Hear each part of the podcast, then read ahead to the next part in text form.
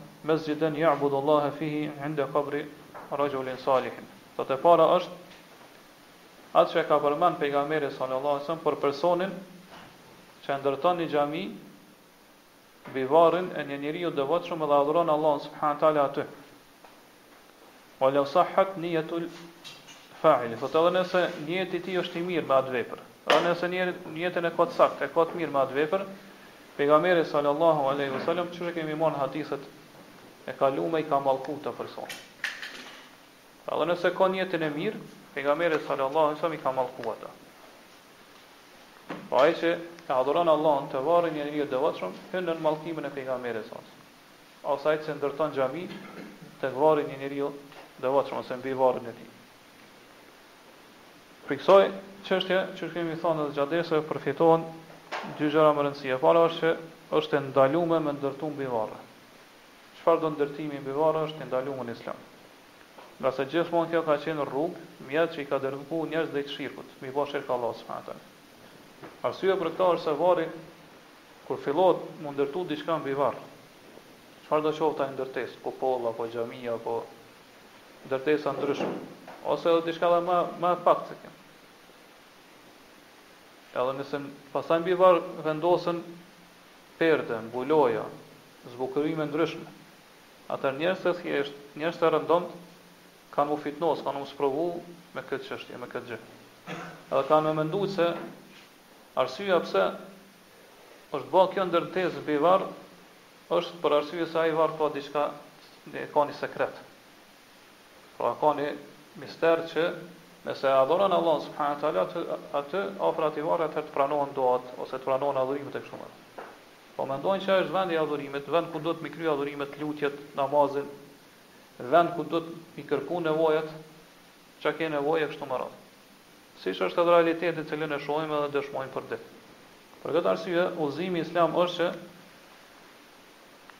Sa i përket varrezave është që i i vdekuri duhet të varros varroset në varrezën e përgjithshme të muslimanëve dhe varri i tij nuk duhet të dallohet prej varreve tjera. Po duhet mu varros me dheun i cili nxirret apo groposet prej varrit tina, pra nuk duhet me shtu ma shumë dhe. Po ai dhe që del prej varrit tina me atë dhe duhet të mbulohet, jo ma shumë. Edhe nuk lejohet që varri të ngritet ma lart se sa një pllamb. Po shumë njerëz i ngritin varret më shumë se do të thotë dojnë me dallu pi varreve të tjera. Kjo është e ndaluar në Islam. Po varri duhet ose dheu duhet të jetë mbi varr vetëm ose varri lejohet mu vendos për shembull një guri te koka e tij ose te këmbët e tij vetëm sa është lartësia e një pllame, jo më shumë. Po qëllimi pse e ka leju këto Islami është që mos mu nënçmu varret. Ma, ma shumë se kaq nuk lejohet me ndërtu përmbi varr. Kjo është e ndaluar në islam. Po ashtu, kështu e, e, e shohim pra që ka qenë edhe vetë varri i pejgamberit, salasam, varri, varret e sahabëve, gjatë kohës pejgamberit, sa edhe, do të thotë pas, në, në tri gjeneratat e para. Po kështu na ka mësu islami dhe na ka udhëzu që duhet me vepru me varre. Pra nuk lejohet me ndërtu mbi to, nuk lejohet me shkru diçka mbi to. Nuk lejohet të zbukurohen ato. Nuk madje nuk lejohen edhe të gëlqerosen. Po kjo kjo është e ndaluar në Islam. Ngase momentin kur fillojnë këto gjëra të veprohen me varret atëherë ka mundësi që ato varre mu bë shkak ose me kon rrugë mjet që i dërgojnë njerëzit drejt shirkut. Edhe vetë pejgamberi sallallahu alajhi wasallam na ka urdhëruar që varret duhet të rrafshohen. Aliu radijallahu anhu thotë se pejgamberi sallallahu alajhi wasallam e ka urdhëruar dhe i ka thonë la tada qabran mushrifan illa sawaytahu. Mos e le asnjë varr të ngritur veçse e rrafshon me tokë. Domthonë me sipërfaqen e tokës.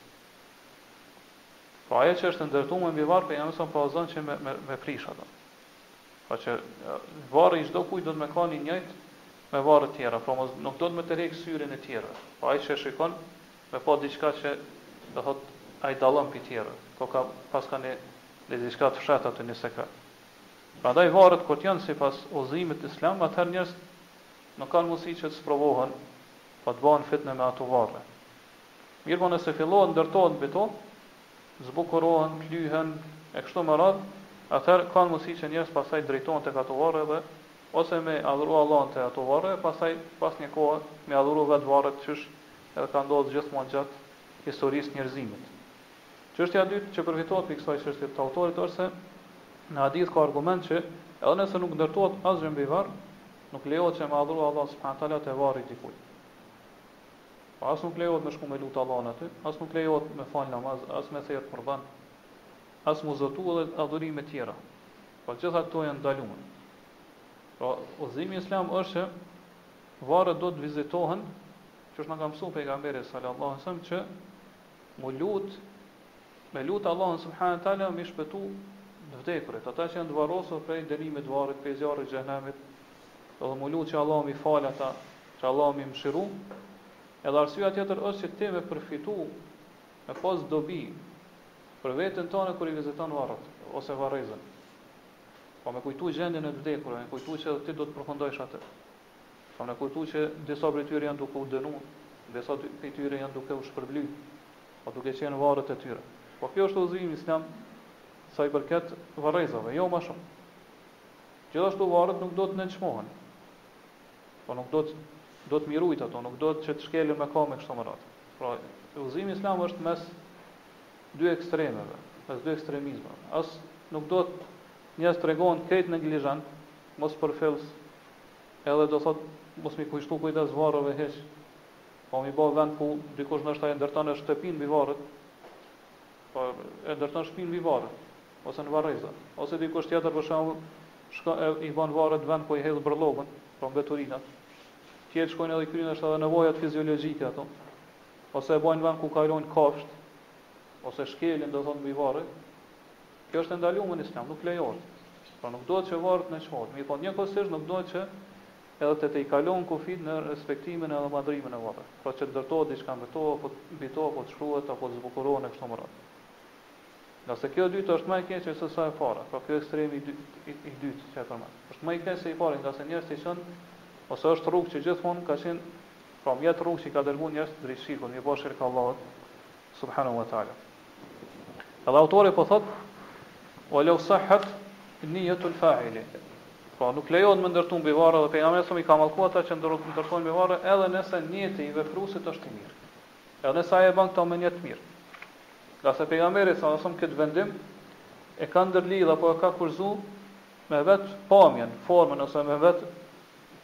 veprën, jo me njetin. Pra, që kjo vepër nuk ka nevojë për njet për me hyrë nën mallkimin e pejgamberit sa sa ose nën qortimin e ashpër. Pra vetëm nëse e vepron njeriu hyn nën këtë ndalesë. Pra njeti ndikon edhe ka efekt vetëm te veprat e mira. Po që mi përmisu ato.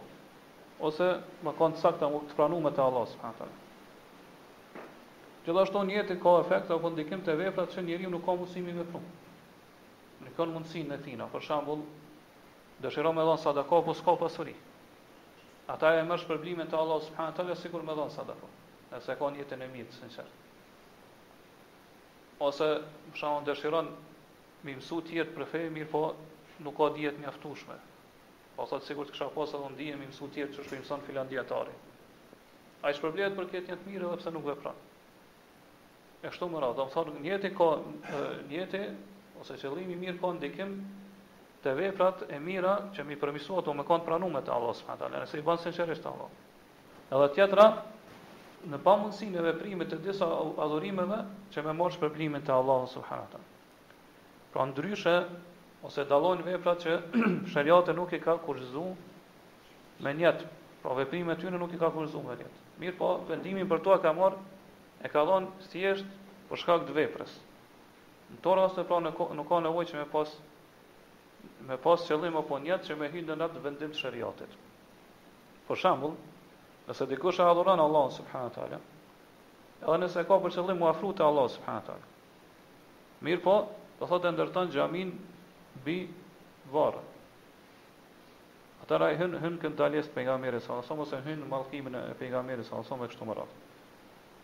Ngase do thotë ai ka vepruar një vepër, e ka bërë një punë që Pejgamberi sallallahu alajhi wasallam e ka mallku edhe ka treguar se do thotë që ajo vepër është rrugë që dërgon drejt një rezultati shumë të keq. Do të sjell pasoja. Edhe që kjo çështje neve na Po na ndërfut edhe një çështje tjetër këtu, që është shumë e rëndësishme. E që është, po qysh e përmendin edhe vetë hadithet që kemi përmend gjatë dersave të kaluara, po që i sjell autori në këtë temë, që ndalohet imitimi apo përngjasimi me jo besimtar, me mushrik. Pavarësisht a janë mushrik apo janë krishter, jehudi dhe kështu me radhë. Edhe nëse do thot, sidomos çështjet e akides, edhe nëse një, një personi nuk e ka nijetin qëllimin që mu bë sikur ata.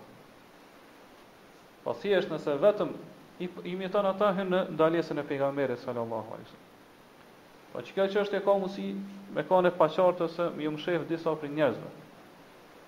Po ata mendojnë që është e ndaluar me imitu jo besimtarët, po pe mushrikëve, jehuditë edhe tjerë, edhe tjerë, vetëm nëse e ki me nijet m'i përngjasu ata. A nëse ti nuk e ke bo nijet m'i përngjasu atyne, atëherë nuk hin n'haram, nuk hin n'ndalesë. Mirëpo sheriati këtë vendim e ka ndërlidh me veprën, jo me nijetin, po me vetë imitimin. Pejgamberi sallallahu alejhi wasallam ka thënë, Men teshabbehe bi qaumin fe huve minhum, ai që i përngjason e imiton një popull ai është prej tyre. Po s'ka thonë varet prej nijetit çfarë e ki. Po vetëm imitimi, përngjasimi i tyre të bën prej tyre, po hyn në ndalesë pejgamberit sallallahu alejhi wasallam. Pavarësisht a e ke pas këtë qëllim apo jo. Për këtë arsye dijetarët thonë që Në çështjen e teshebuhit, pra imitimit të jobesimtarëve, njeriu hyn në ndalesë edhe nëse nuk e bën me nijet që m'i përngjasu jobesimtarëve. Ngase imitimi ndodh me pamjen e jashtme. Pra nëse ti i imiton ata në kështu në mënyrë me pamjen e jashtme, pa pa kufizu, me pa kufizu, atëherë ti ke hyrë në ndalesën e pejgamberit sa sallam. Nëse dikush thotë, mirëpo pejgamberi sa na ka sjellë neve një parim, një rregull, ku thotë inna mal a'malu bin niyat, veprat janë sipas nijeteve.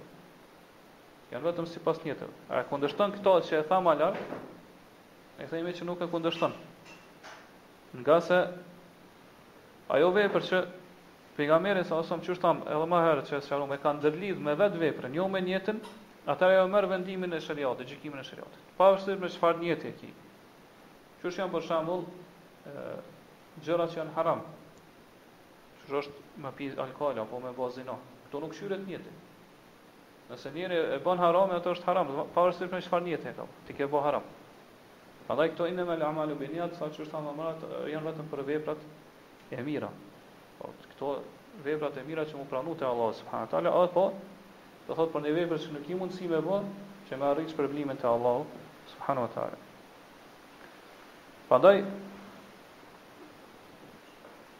Këto fjalë të autorit Allahu e mëshiroftë po e kuptojmë që nijeti i mirë nuk e ligjëson apo nuk e përligj veprën e keqe. Po qysh Allahu pejgamberi sa po e përmend n'këto hadithe, këta njerëz të cilët kanë ndërtu xhamia, faltore për mbi varre, ata i kanë ndërtu këto duke menduar se janë tu bë punë të mirë, po duke bë nijet të mirë. Edhe kanë thënë që na nëse bojmë ndërtesa mbi varre dhe shkojmë adhurojmë Allahun subhanahu wa taala aty, atëherë neve na e kujtojnë gjendjen e atyre njerëzve të vjetër. Adhurimin e shumtë që e kanë bërë ata. Apo ndoshta e kanë bërë me nijet që me nderu ata njerëz të devotshëm. Qysh thamë, po që me bë përhershme përmendjen e tyre. Pra edhe nëse nijeti i tyre, po themi kushtimisht ka qenë i mirë, mirëpo kjo, ky nijet nuk e bën këtë vepër të lejume në islam. Ngase qysh thamë kjo është rrugë që dërgon drejt shirkut. Pra i çon njerëz rezultati është se njerëz më vonë kanë me i bërë shirk Allahu subhanahu teala. Prandaj sheriati, Allahu subhanahu teala me fenë që e ka zbrit ka ardhur gjithmonë që mi mi blloku, mi ndalu apo mi mbyll ato ato dyer edhe mi blloku ato rrugë që çojnë drejt haramave apo në këtë rast drejt shirkut. Pra nuk nuk shikohet këtu te nijeti apo qëllimi i njerëzve që i veprojnë ato. Nëse është e ka ndaluar sheriati atëherë ajo është e ndaluar. Pastaj autori vazhdon thotë e thaniatu e nahyu anit tamathil wa ghal wa ghilaz al amri fi dhalik wa al ghal ghilaz al amri fi dhalik thot këtu në këtë temë përfitohet çështja e dytë që është e ndaluar me bë skulptura me bë imazhe Thotë edhe Pejgamberi sallallahu alejhi ve selam, do thotë e ka ndaluar në mënyrë të ashpër këtë çështje. Pra prej kësaj kjo përfitohet prej hadithit pejgamberi sa kur tregon për krishterët se çfarë kanë vepruar ata me njerëz të devotshëm që kanë qenë prej mesit të tyre ka thonë wasawwaru fihi tilka suwar. Pra do në ato faltoret e tyre i kanë vendos imazhet e tyre, idhujt e tyre, skulpturat e kështu me radhë. Por kjo është e ndalume në Islam sidomos kur ata të cilët ju gdhenden këto figura apo këto skulptura janë njerëz të respektuar në mesin e njerëzve ose njerëz që janë të madhruar, për shembull që janë kryetarët, mbretrit, e dikush nana e baba, ose një njeri i respektum kështu me radhë. Pra edhe nëse është, do të thonë, një njeri i respektuar si në traditën e vendit ndalohet, ose i respektuar si do thotë nga ana fetare, Për shembull është njeri i devotshëm, është dijetar e kështu me radhë. Po kjo kjo është e ndaluar që atyre do të me ju bë imazh apo me ju bë figura kështu me radhë. Prandaj gjithashtu këtu përfitohet që ë ata të cilët i bëjnë këto vepra, pejgamberi sa ka thonë janë njerëz më të këqij te Allahu subhanahu. Ata që bëjnë figura.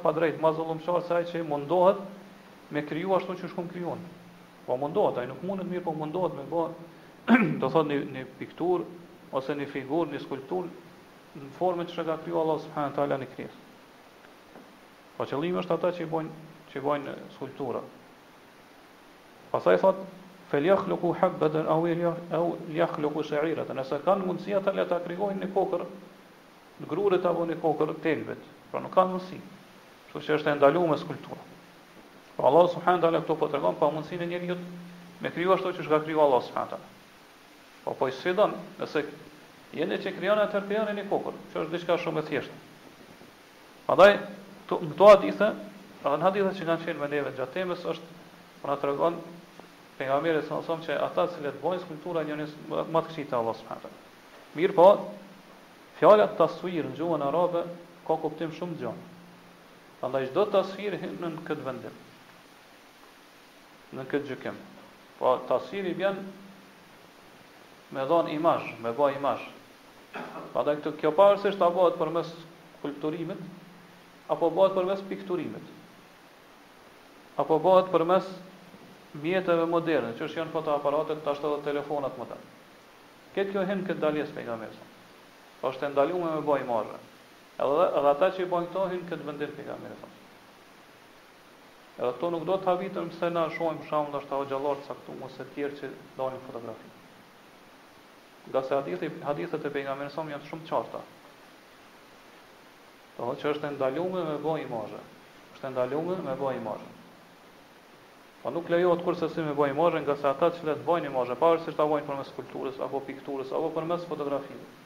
fotografimit me mjetet moderne, këta hyjnë në këtë kërcënim edhe ndalesë të ashpër të Pejgamberit sallallahu alejhi wasallam, pra që ata janë njerëzit më të këqinj te Allahu.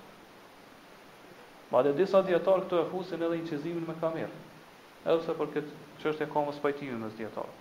Pra disa e lejojnë, kurse disa thonë që nuk ka dallim mes kamerës edhe fotoaparatit. E Allahu e din më së miri, do të thotë cili është mendimi më afërt, më më i saktë. Mirëpo duhet të ketë kujdes domethënë muslimani që mos me ra në këtë ndalesë të pejgamberit sa sa sidomos në këtë, këtë kohë që arsyet ose shkaqet ato është ato është ajo shtytja për me bë këtë vepër u bë shumë e lehtë. Po secili e ka afër vetes në telefon ku mundet me fotografu, edhe domethënë e sheh që shumica e njerëzve kanë ra në këtë, këtë gjë të ndaluar. Edhe i duket diçka e lehtë. Mirëpo dijetarët thonë, dijetarët e mëdhenj është fjala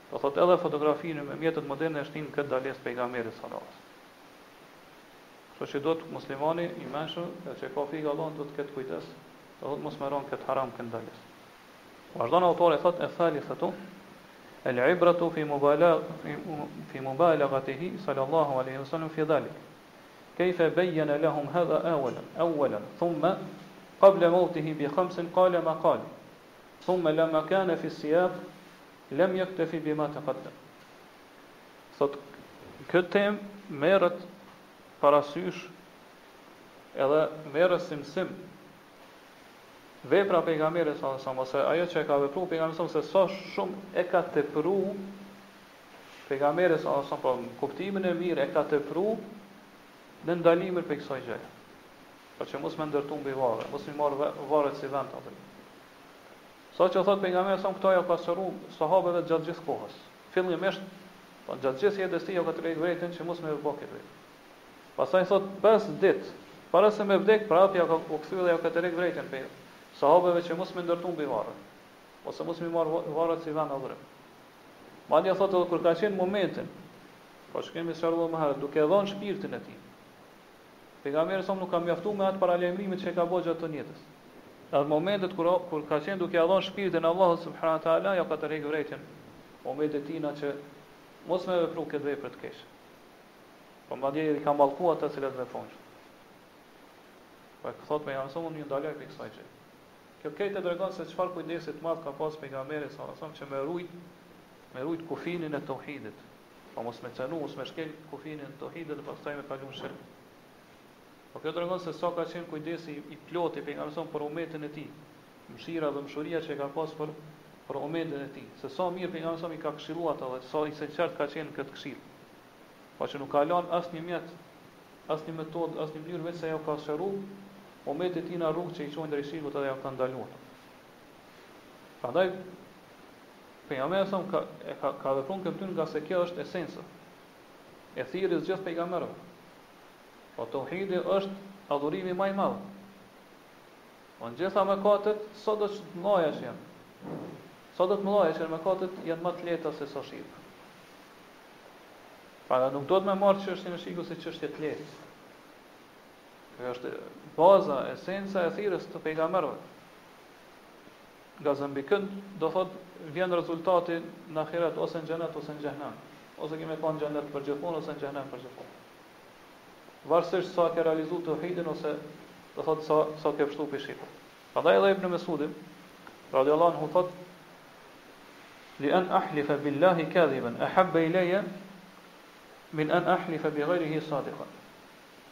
Pra e kemi përmendur edhe më herët këtë fjalë të tij. Thotë mu betu në Allahun rrejshëm është më e dashur për mua se sa mu betu në dikon tjetër duke qenë i sinqertë.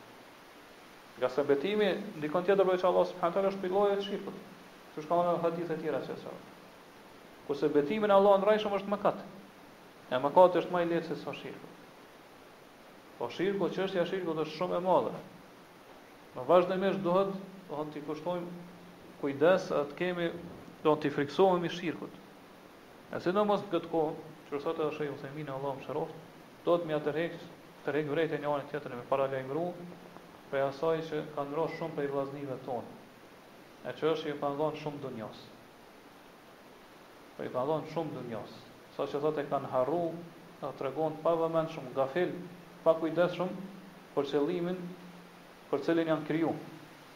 Pra janë angazhu me diçka tjetër me dunja, edhe e kanë harru qëllimin për cilin kanë ardhë në këtë dunja. Andaj thotë shumica e njerëzve sot e sheh që janë të angazhu me dunja. Gjithmonë mendimi i tyre është, pra kur mendon është rreth dunjas. Kur të jon ulur, kur të jon kom, kur të jon shtrit, kur të jon zgjuar, madje thotë edhe në gjumë kur të jon, ata mendojnë për dunja.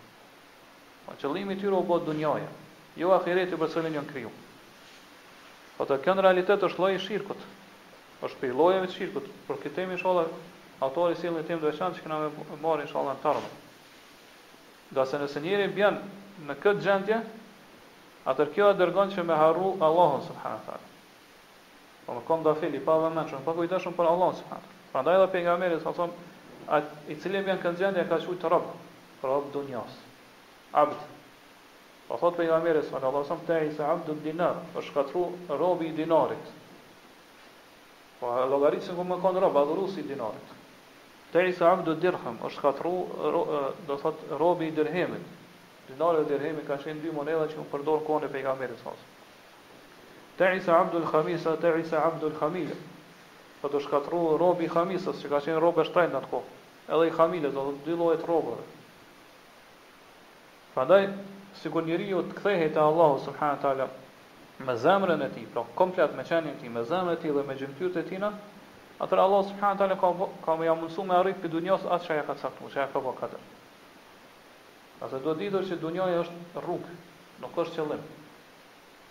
Po dunjaja, jeta e kësaj bote në cilën duke jetu është vetëm rrugë që na çon drejt një qëllimi, e që është ahireti.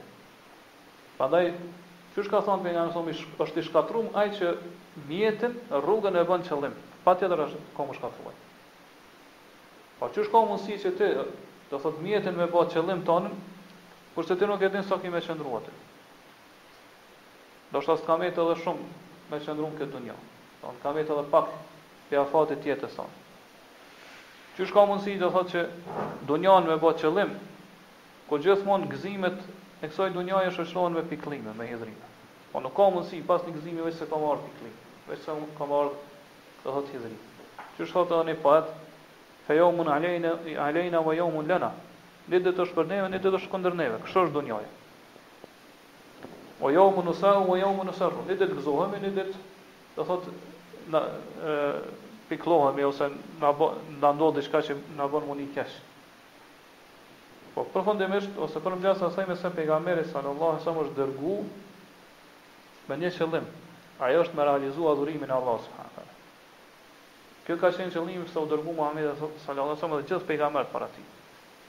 por që me ja mësu njerëzve mënyrën se si me arrit me realizu adhurimin ndaj Allahut subhanahu teala. Për këtë arsye edhe pejgamberi sallallahu alajhi wasallam ka qenë shumë i kujdesshëm që mi mbyll gjitha rrugët, gjitha dyert që çojnë drejt shirkut. Prandaj edhe pejgamberi sallallahu alajhi wasallam ka ndaluar që mu marr ose mu shndrru varret në mesaxhid, pra në vend ku kryhen adhurimet, ose do të thotë vend ku ndërtohen xhamiat e kështu me radhë. Qysh kanë ardhur këto dy kuptime që i kemi shpjeguar gjatë dersave të kaluara. Prandaj këto e ka bëu pejgamberi salallahu alejhi ve selem në tri etapa, mundum me thon tri faza.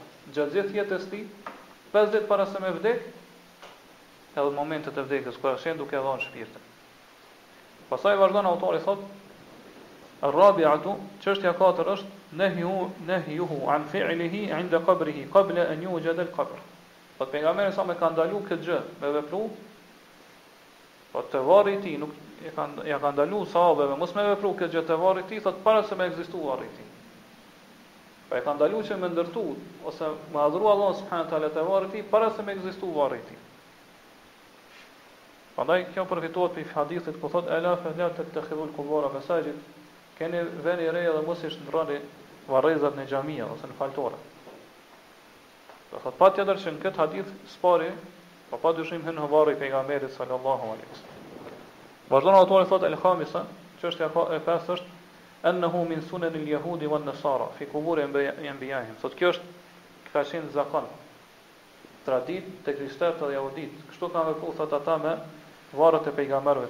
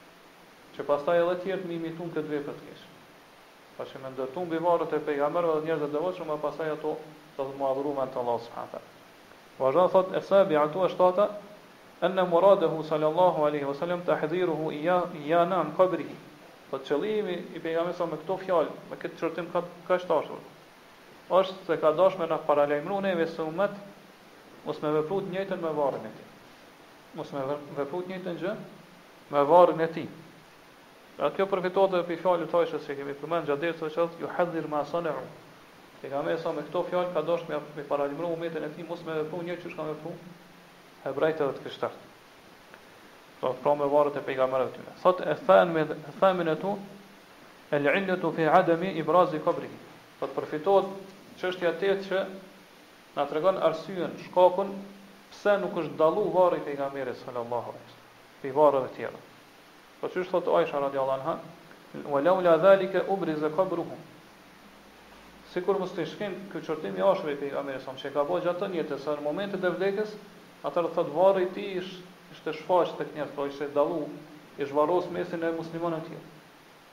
Pra mesin e varrezave ose varreve të muslimanëve. Mirëpo është varros në shtëpinë e tij, që njerëzit mos me pas qasje, ose mos me pa hiç varrin e Pejgamberit.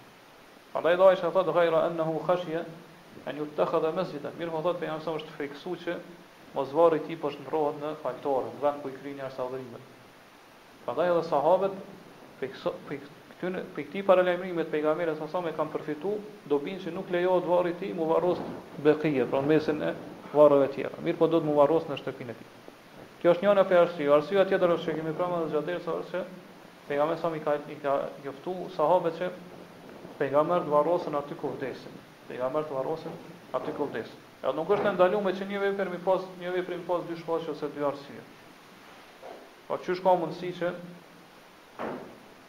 Do të thotë, pra për një vepër, për një arsye me ose për një vepër mu përfitu dy vendime. Po pra, kjo është këtë, kjo është e lejuar në Islam. Prandaj në këtë çështje autori po na tregon ose po tregon po na jep argumentin edhe po na sqaron se cila është urtësia.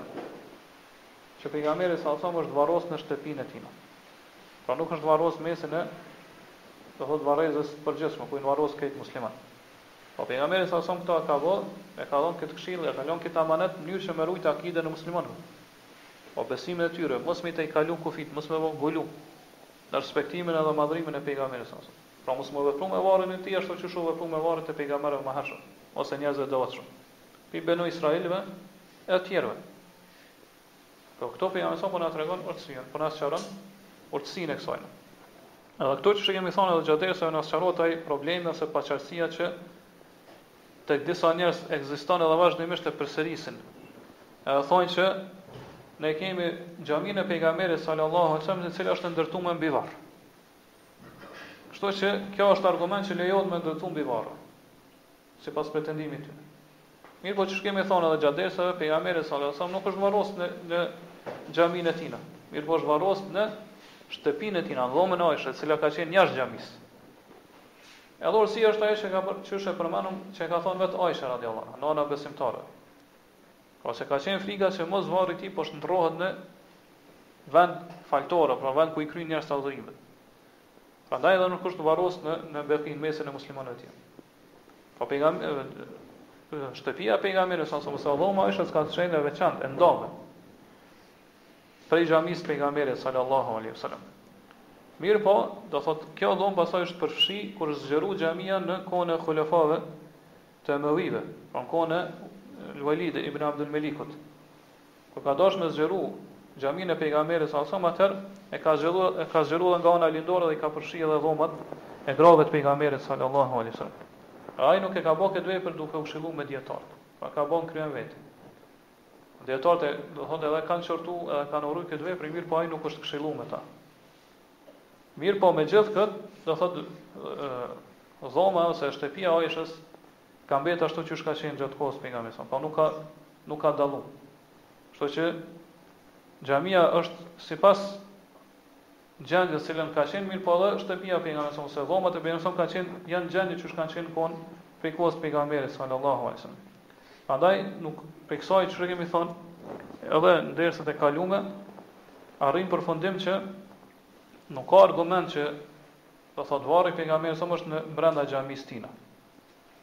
Ngase, do thot,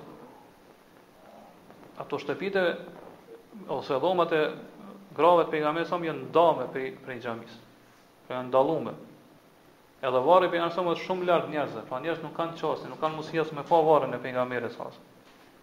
Andaj edhe Allah kështu përmes Do thotë ka vepru kështu për shkak të lutjes të Pejgamberit salallahu alejhi selem e ka lut ka thonë Allahume la te ja'al qabri wathanan yu'bad, o Allah mos e bo varrin tim idhull që adhurohet. Edhe Allahu i ka përgjigj lutjes tij. Andaj edhe varri i pejgamberit siç kemi thënë gjatë derseve është rrethu me tri mure. Po është i ndan prej xhamisë me tri mure.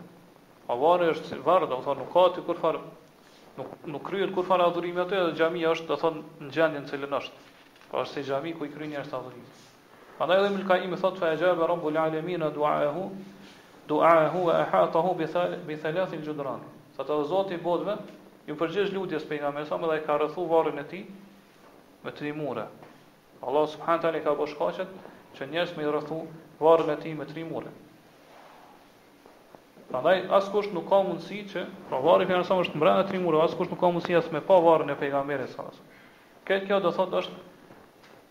përgjigje që Allahu i ka përgjigj lutjes tij, do thotë edhe e ka e ka rujt pejgamberin sallallahu alajhi wasallam që njerëzit me bë gulu, me bë teprim në varrin e tij. Edhe pse njerëzit munden me bë me tejkalu kufijtë në respekt dhe madhrim ndaj pejgamberit sallallahu duke qenë shumë larg ose në këtë do thonë diçka tjetër, i drejtohen pejgamberit sallallahu me lutje. Mirëpo te varri pejgamberit sallallahu nuk kanë mundësi me adhuru Allahun.